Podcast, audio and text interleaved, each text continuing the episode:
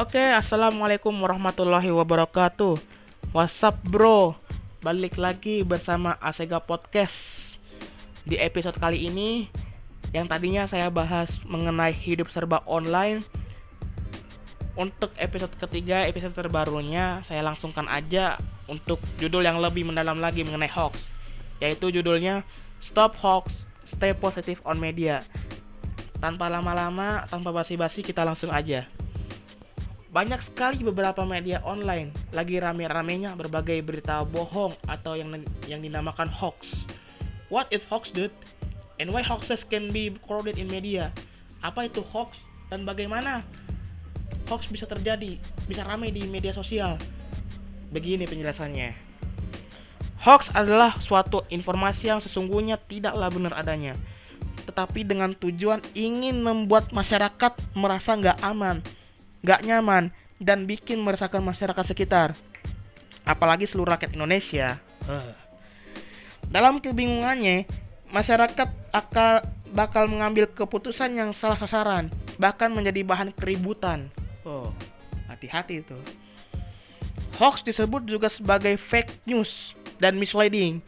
Maksudnya adalah fake news itu adalah berita palsu, sedangkan misleading adalah kabar burung dan kabar-kabar menyesatkan. Hmm, patut hati-hati terhadap berita yang nggak jelas. Menurut Dewan Pers, ada pun ciri-ciri hoax antara lain.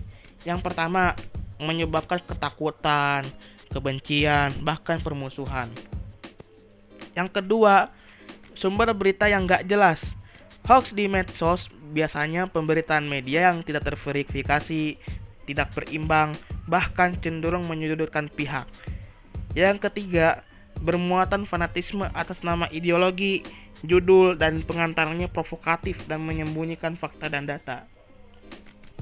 Hoax biasanya berbentuk tulisannya huruf kapital, serta huruf tebal dan banyaknya tanda seru, serta tanpa menyebutkan sumber informasi yang setelah disampaikan di media.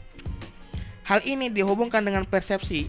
Dugaan persepsi bersifat dugaan, oleh karena data yang kita peroleh mengenai objek lewat penginderaan tidak pernah lengkap, persepsi merupakan loncatan langsung pada kesimpulan.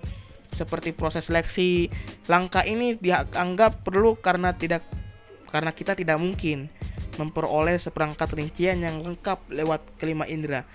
Proses persepsi yang bersifat dugaan itu memungkinkan kita menafsirkan suatu objek dengan makna yang lebih lengkap dari suatu sudut pandang mana pun. Maksudnya apa? Ini kita menafsirkan informasi mana yang benar, mana yang hoax.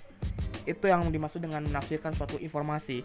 Oleh karena informasi yang lengkap tidak pernah tersedia, dugaan diperlukan untuk membuat kesimpulan berdasarkan informasi yang tidak lengkap. Lewat penginderaan itu, kita harus mengisi ruang kosong untuk melengkapi gambaran itu dan menyediakan informasi yang hilang. Dengan demikian, persepsi juga adalah proses mengorganisasikan informasi yang tersedia, menempatkan rincian yang kita ketahui dalam skema organisasional tertentu yang memungkinkan kita memperoleh makna lebih umum atau makna lebih rinci. Nah, oleh karena itu, amanat yang saya sampaikan buat diri saya pribadi maupun ke teman-teman semua, jangan sekali-kali termakan oleh hoax, apalagi kabar burung kita ini ibarat seperti kelapa parut yang mau diperas. Semakin kita saring, maka akan semakin mencair seperti santan. Itu artinya saring-saring dahulu sebelum sharing, baru sebar-sebar kemudian selagi informasi sudah benar adanya. Oke, okay, that is all. Itu aja yang saya sampaikan di episode kali ini. Semoga dipegang baik-baik mengenai hoax. Ingat, Bang Napi pernah berkata, waspadalah waspadalah. Oke, sampai jumpa. See you next next episode dan wassalamualaikum warahmatullahi wabarakatuh.